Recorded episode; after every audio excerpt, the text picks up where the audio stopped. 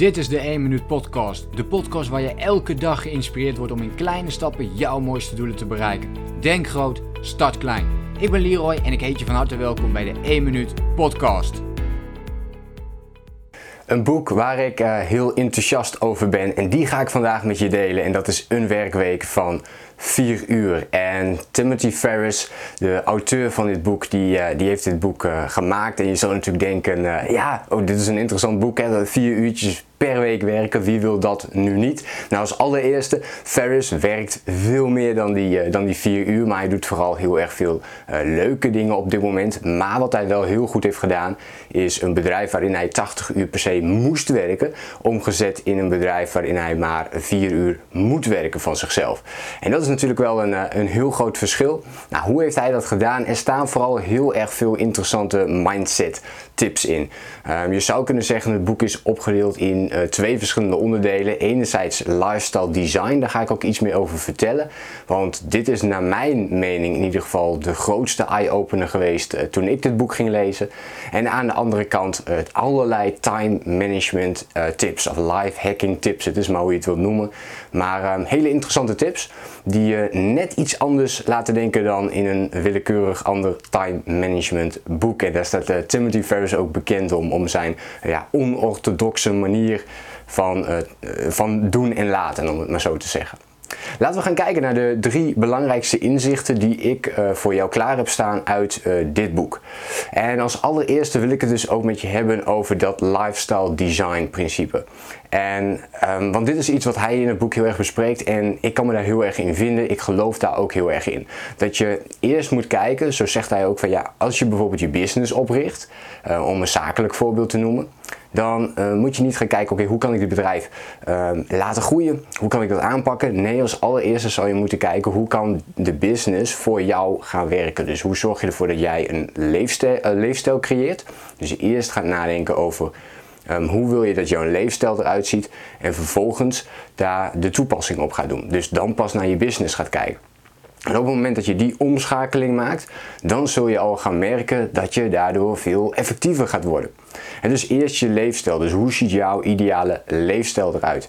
En schrijf dat dus helemaal voor jezelf uit. En ga eens kijken, kan ik al stapjes gaan ondernemen? En wat voor business kan ik daarop gaan inrichten? Maar ook bijvoorbeeld in je privéleven natuurlijk. Wat voor uh, partner heb ik dan misschien nodig die me daarbij kan ondersteunen? Wat voor soort vrienden? Um, hoe vaak wil je je vrienden spreken? Hoeveel tijd wil je ervoor vrijmaken? Wat voor hobby's heb je nog? Dus al die dingen om in ieder geval te bepalen, ja, hoe ziet nou eigenlijk jouw leefstijl eruit? En ja, dit vind ik een heel krachtig middel. Het is ook iets wat ik nu zelf heel veel toepas in mijn programma's. Dat ik ook denk vanuit uh, die leefstijl. Want dat is veel belangrijker natuurlijk dan alleen maar die losstaande delen. En als jij gaat kijken vanuit je leefstijl, dan zul je een meer holistische benadering hebben. Dus dat je alles uh, rekening houdt met alle onderdelen. Dus ook je gezondheid, maar ook met je werk. En daardoor ook een betere uh, balans creëert tussen deze verschillende principes. Dus dat is voor mij één. Dat is echt een eye-opener geweest. Dus werk aan je leefstijl. Zet dat eens op papier. Ja, hoe ziet dat er eigenlijk voor jou uit? Het tweede wat ik met je wil bespreken, en dat is een techniek die hij gebruikt, een doelenstellen methode, zo zou je het kunnen noemen, en dat is droomlijnen. En droomlijn houdt bij uh, Timothy Ferris in. Hij is geen voorstander van hele lange termijn doelen stellen. Ik vind het persoonlijk wel dat, uh, dat het in je, in je pakket hoort te staan. Maar hij vindt dat dat niet per se hoeft. En hij denkt van ja weet je, ik stel alleen maar ja-doelen op. Oké, dus echt maximaal van 12 maanden. Oké, wat ga ik neerzetten? Wat wil ik bereiken? En hij stelt zichzelf dan drie vragen. Wat wil ik hebben? Wie wil ik zijn? En wat wil ik doen? En die drie vragen zet hij op, op een rij. Nou, nou dan maakt hij een hele lijst van en dan gaat hij bepalen van oké, wat ga ik dit jaar neerzetten. En een voorbeeld die hij uh, in zijn boek besprak is het uh, leren van bijvoorbeeld de Chinese taal. En um, dat, dat, deelt hij dan op. Nou, in 12 maanden wil ik dat gaan leren. Wat moet ik per dag doen? Nou, per dag moet ik ongeveer, laten we zeggen, 20 woordjes gaan leren. Nou, dan weet ik, dat moet ik gaan doen. En dan weet ik aan het einde van het jaar heb ik mijn vocabulaire flink verbeterd en kan ik in ieder geval een heel klein beetje die taal spreken. En zo deelt hij dat heel klein voor zichzelf op. Dus hij maakt eerst een 12 maanden doel, dan een 6 maanden, 3 maanden. En dan gaat hij kijken per week, per dag. Oké, welke acties moet ik nu gaan ondernemen? En ja, deze methode past heel erg ook bij de methode die ik bijvoorbeeld zelf um, um, eh, coach en, en teach aan andere mensen. En het lijkt natuurlijk op heel veel andere dingen, maar wel een mooie methode hoe hij dat ook bespreekt in zijn boek. Dus echt een aanrader om daarnaar te gaan kijken. Ja, wat wil ik nu eigenlijk zelf hebben? Uh, wie wil ik zelf zijn? En wat wil ik ook daadwerkelijk doen? En dus uh, onder het, het leren, uh, het, leren het, het, Chinees leren en de taal leren spreken, dat is meer het, doen. Maar je zou kunnen zeggen, ja, wie wil ik zijn? Misschien wil je wel een inspirator zijn. Nou, wat heb je dan nodig om die inspirator te worden? Moet je dan een podcast opnemen, video's maken, een, een blog gaan schrijven? En hetzelfde geldt voor, ja, wat wil je hebben? Misschien wil jij wel een, uh, een hele mooie auto hebben, of wil je een bepaalde vakantie kunnen boeken. Dus uh, misschien wil je wel een hele mooie laptop hebben. Uh, geen idee wat het is, maar wat wil je hebben en wat heb je daarvoor nodig? Nou, uh, vaak hebben we daar geld voor nodig. Nou, hoe ga je dat geld bij elkaar krijgen? Ga je een, een apart spaarpotje daarvan maken of ga je het op een andere manier doen? En door dit soort vragen te stellen, door het steeds kleiner te maken, ook voor jezelf, wat ook natuurlijk heel mooi past bij de 1 minuut methode, maar door dat op die manier op te pakken, ga je dus ook veel concreter naar je doelen toewerken. En het derde, de laatste uh, onderdeel wat ik uh, met je wil delen, het belangrijkste inzicht, dat zijn eigenlijk al die uh, time management technieken waar ik het al over heb gehad. En um, Timothy Ferris die bespreekt dat in zijn boek, maar hij gaat heel radicaal, maakt hij die verandering. Dus hij, hij, hij stelt bijvoorbeeld ook gewoon de vraag aan jou, jij stel je voor, er zou op dit moment een pistool op je gericht zijn en je zou gedwongen worden om um, 20 uur minder te gaan werken dan je nu doet. Oké, je werkt misschien 40 uur, dus om de helft minder te gaan doen.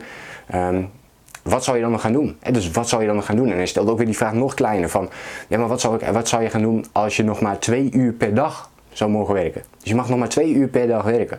Wat zou je dan gaan doen? En door dit soort vragen te stellen ga je weer terug naar die essentie. En wat mij betreft zijn dit hele belangrijke dingen om over na te denken. En om te kijken, kun jij daar ook zoveel mogelijk al invulling aan gaan geven. Want Timothy Ferris die gelooft erin dat we vaak veel drukker zijn in plaats van uh, productiever.